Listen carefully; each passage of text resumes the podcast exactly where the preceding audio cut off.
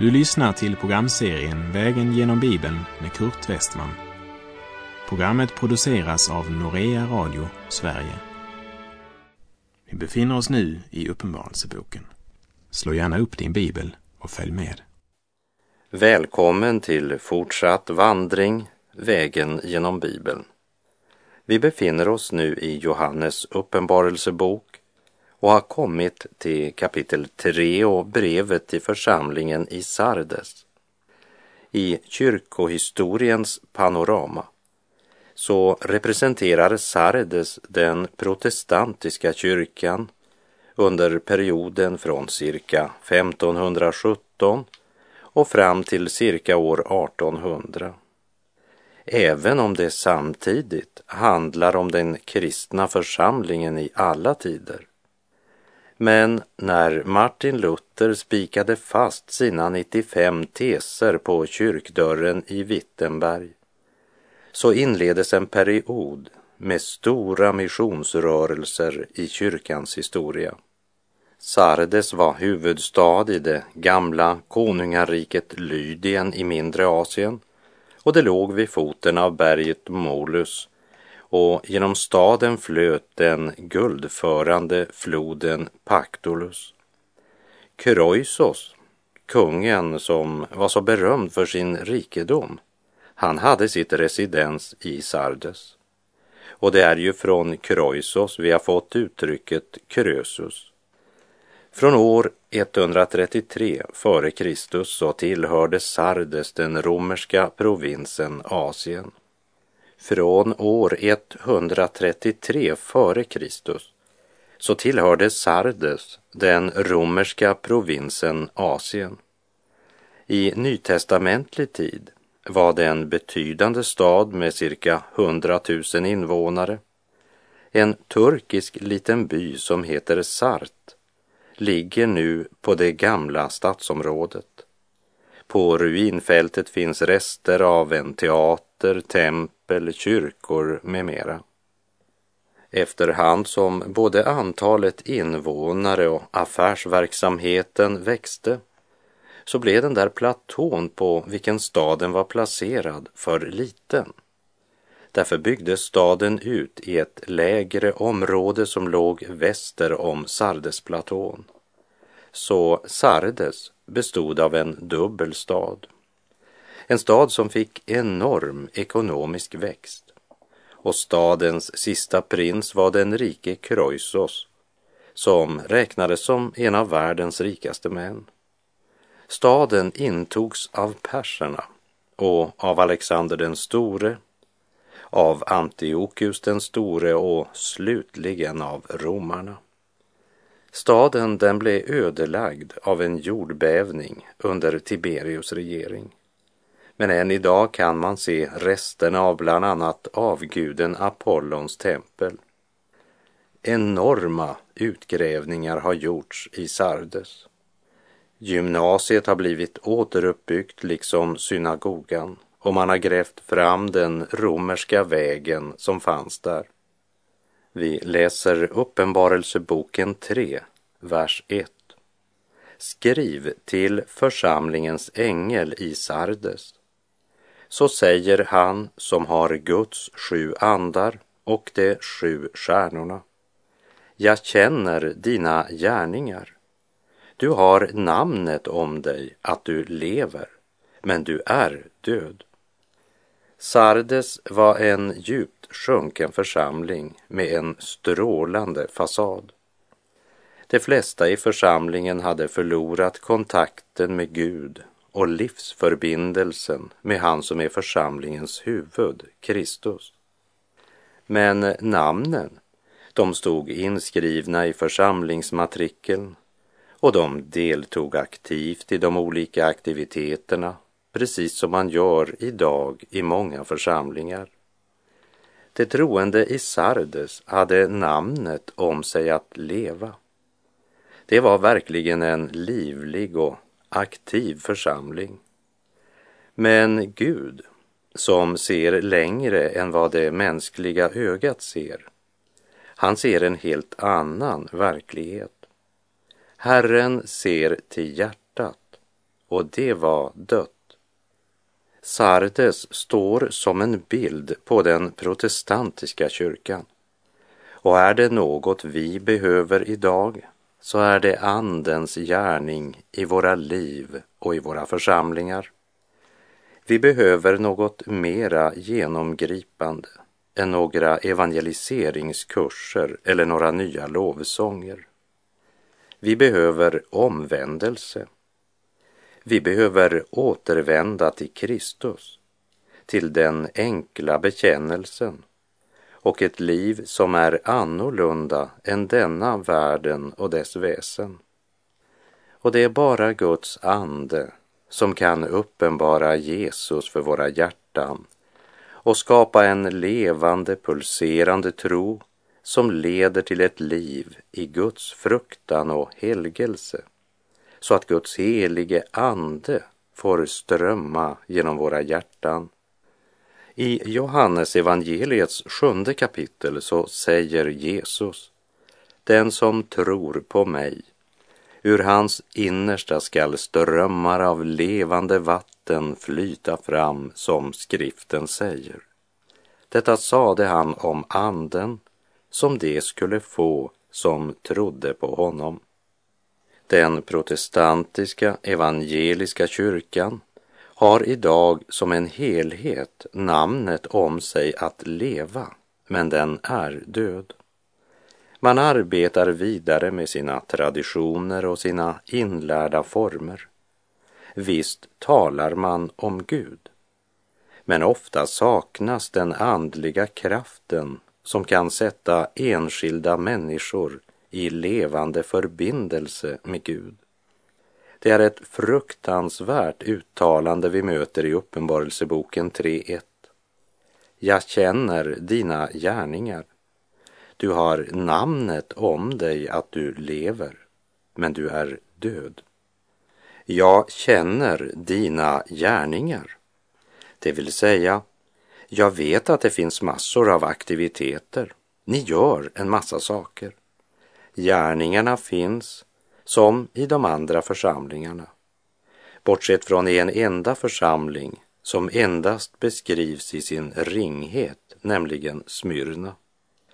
Smyrna var ringa i människors ögon, men är den enda församling till vilken Herren inte säger omvänd dig, utan jag känner ditt lidande och din fattigdom, men du är rik. Och var trogen intill döden, så ska jag ge dig livets krona. Medan Herrens överskrift över Sardes är, du har namnet om dig att du lever, men du är död.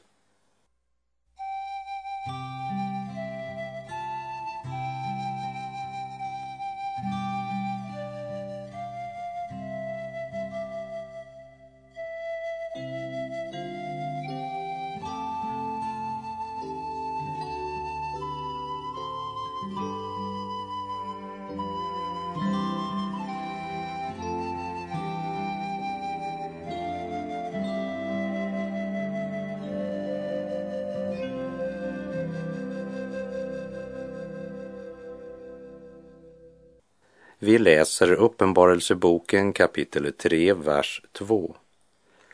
Vakna upp och håll dig vaken och stärk det som är kvar och som var nära att dö. Ty jag har inte funnit att dina gärningar är fullkomliga inför min Gud. Deras gärningar var uppenbart fullkomliga inför människor. De hade ju namnet om sig att leva men gärningarna höll inte måttet inför Gud. Man hade börjat så gott, men man hade somnat in. Den yttre verksamheten fortsatte som förr, men det var inte längre ett verk av den helige Ande. Därför ropar Gud sitt vakna upp och det handlar inte bara om att vakna till för ett ögonblick när känslorna skakas om vid ett eller annat möte. Men det gäller att vakna upp och så hålla sig vaken. Det de trodde var viktigt skulle korsfästas Och det de trodde inte var så viktigt och därför höll på att glömma, det skulle styrkas. Det vill säga Gud kallar dem till en total omvärdering av allt. I sitt brev till de troende i Filippi beskriver Paulus sin egen omvärdering så här. Filipperbrevet 3, verserna 7 till och med 9. Men allt det som var en vinst för mig räknar jag nu som förlust för Kristi skull. Ja, jag räknar allt som förlust därför att jag har funnit det som är långt mer värt, kunskapen om Kristus Jesus, min Herre. För hans skull har jag förlorat allt och räknar det som avskräde för att jag ska vinna Kristus och bli funnen i honom. Inte med min egen rättfärdighet, den som kommer av lagen, utan med den som kommer genom tro på Kristus, rättfärdigheten från Gud genom tron. Eller som Gud säger till församlingen i Sardes, vakna upp och håll dig vaken och stärk det som är kvar och som var nära att dö. Ty jag har inte funnit dina gärningar fullkomliga inför min Gud. När blicken inte längre vilar på Kristus och när Guds barn inte längre lever i förväntan på Kristi återkomst börjar man leva för ögonblicket och söker välfärd, jordisk ära, framgång och personlig njutning. Gud säger alltså om församlingen i Sardes att de inte längre hörde ordet så som de gjorde den första tiden. Då hade de varit ordets hörare och ordets görare och de hade i tro hållit fast vid det de hörde. De läser tydligen inte lika mycket längre och de lyssnar inte heller med samma vakna och öppna sinne som i den första tiden. Den första tiden hade de uppenbart varit öppna för vad anden hade att säga. Och de var noga med det de hörde, noga med vad de läste och noggranna med hur de levde. Och Herren säger att om de inte håller sig vakna ska han komma över dem som en tjuv. Och det är en allvarlig varning eftersom Herren inte kommer som en tjuv om natten för den som lever i ljuset som sanna Guds barn. Hör vad Paulus skriver till de troende i Thessalonika. Första Thessalonikerbrevet 5, verserna 1 till och med 6. Om tider och stunder, bröder, behöver vi inte skriva till er. Ni vet själva mycket väl att Herrens dag kommer som en tjuv om natten. När folk säger fred och trygghet, då drabbas de av undergång lika plötsligt som smärtan kommer över en kvinna som ska föda och det slipper inte undan. Men ni bröder lever inte i mörker så att den dagen kan överraska er som en tjuv. Ni är alla ljusets barn och dagens barn. Vi tillhör inte natten eller mörkret. Låt oss därför inte sova som de andra, utan hålla oss vakna och nyktra. För Guds barn kommer inte dagen överraskande som en tjuv om natten. Det kan vi se av första Thessalonikerbrevet 5.4 där Paulus säger Men ni bröder lever inte i mörker så att den dagen kan överraska er som en tjuv. Så Herren Jesus kommer inte till Guds församling som en tjuv. Men för den som inte lever i ljuset utan somnat in andligt så kommer han som en tjuv och överraskningen blir total. Kom därför ihåg vad du har tagit emot och hört och håll fast vid det och omvänd dig. Om du inte håller dig vaken skall jag komma som en tjuv och du ska inte veta vilken stund jag kommer över dig. För en församling eller enskild som somnat in hjälper det inte att man är mycket aktiv och gör många gärningar. Man går ändå samma öde till mötes som det ogudaktiga. Kom därför ihåg vad du har tagit emot och hört och håll fast vid det och omvänd dig, ljuder Herrens budskap till Sardes. Men i Sardes så hade Guds ord blivit något som man visserligen fortfarande använde, men tyvärr bara till det yttre. Man var inte längre vaken utan hastade bara vidare med sina gärningar. Det var inte längre en verksamhet som fötts i stillheten, utan nu hade verksamheten blivit något som ersatt stillheten.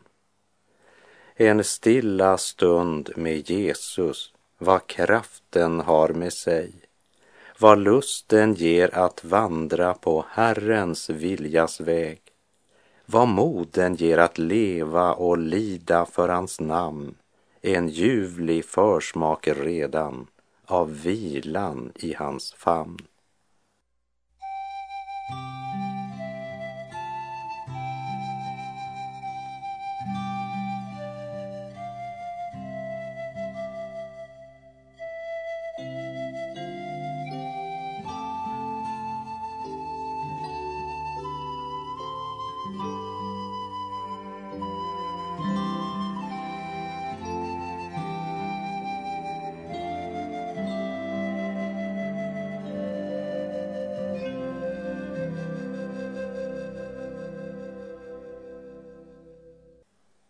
I Sardes så hade de flesta varken tid eller lust att lyssna till vad Herren sa i sitt ord. De hade inget behov av att höra vad Anden sa till församlingarna. Men det fanns också i Sardes en och annan som inte följde med strömmen. Och kanske är det denna lilla minoritet i Sardes som gör att församlingen ännu räknas bland församlingarnas sjutal. Vi läser vers 4. Men du har några få i Sardes som inte har smutsat ner sina kläder och de skall vandra tillsammans med mig i vita kläder, ty de är värdiga. Det fanns några Guds barn i Sardes som levde i Guds fruktan och helgelse, som höll fast vid Guds ord och bekännelsen och som levde som de lärde. De höll sig till Guds ord, oberoende av vad andra sa eller gjorde. Ordet var deras ledstjärna och de lyssnade till Andens vittnesbörd och inrättade sina liv efter detta. Och Gud ger denna lilla minoritet i Sardes ett underbart löfte.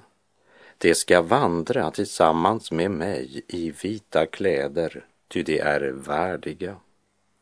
Här går mina tankar till något som vi ska återvända till senare när vi ska vandra genom Uppenbarelsebokens sjunde kapitel. Och det är orden i Uppenbarelsebokens sjunde kapitel, vers 13 och 14 en av de äldste frågade mig, dessa som är klädda i vita kläder, vilka är de och varifrån har de kommit? Jag svarade, min herre, du vet det. Då sade han till mig, dessa är de som kommer ur den stora nöden och de har tvättat sina kläder och gjort dem vita i Lammets blod.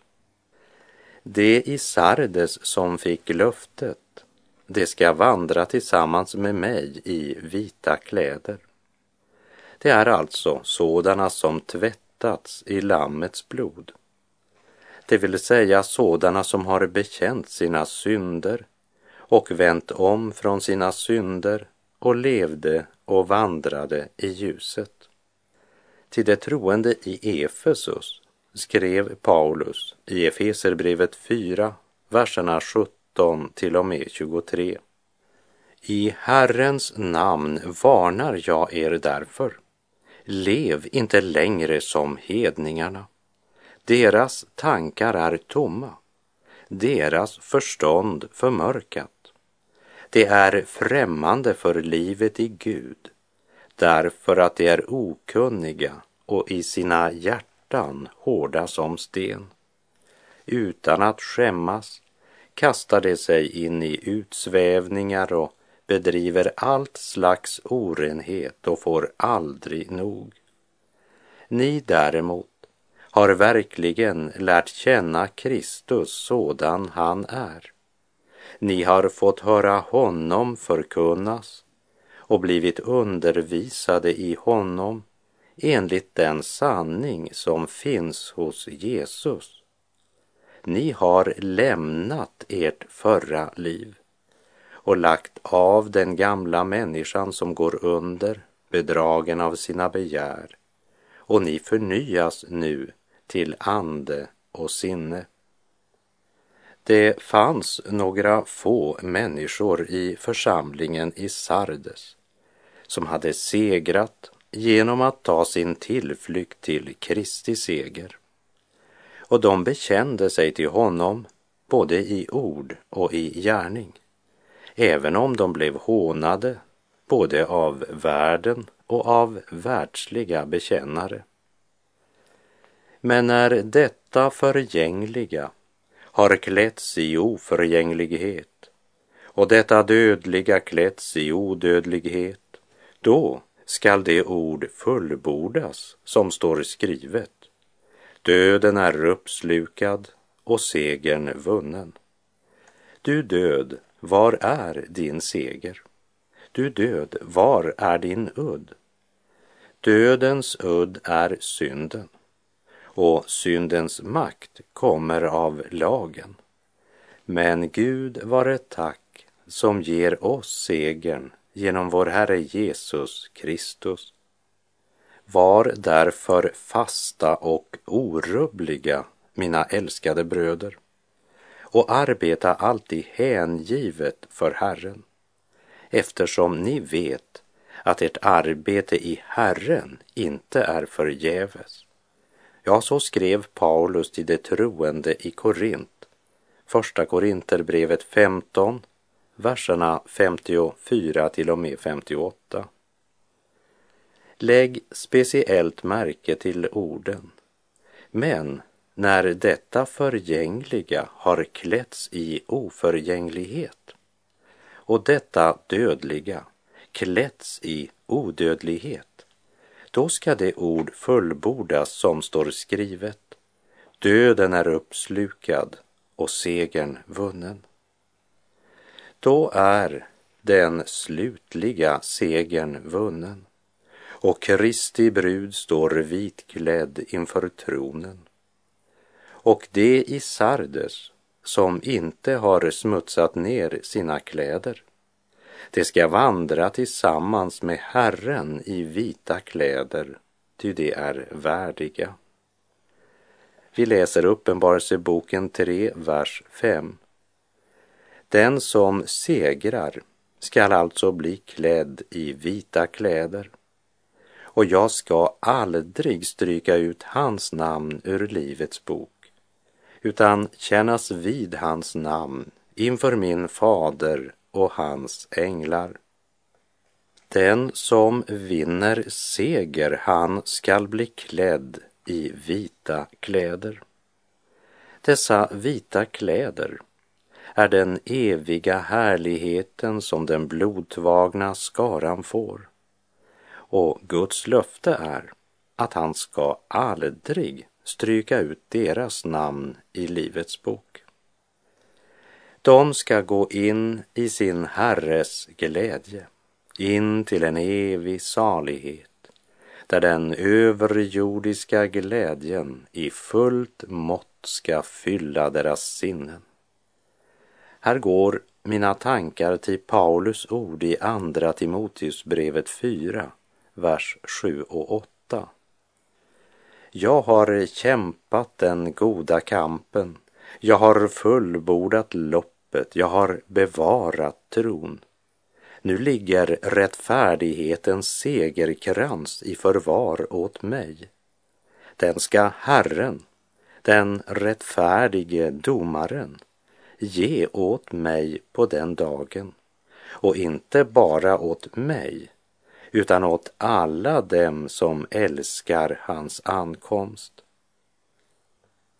Den som segrar skall alltså bli klädd i vita kläder och jag skall aldrig stryka ut hans namn ur Livets bok utan kännas vid hans namn inför min fader och hans änglar.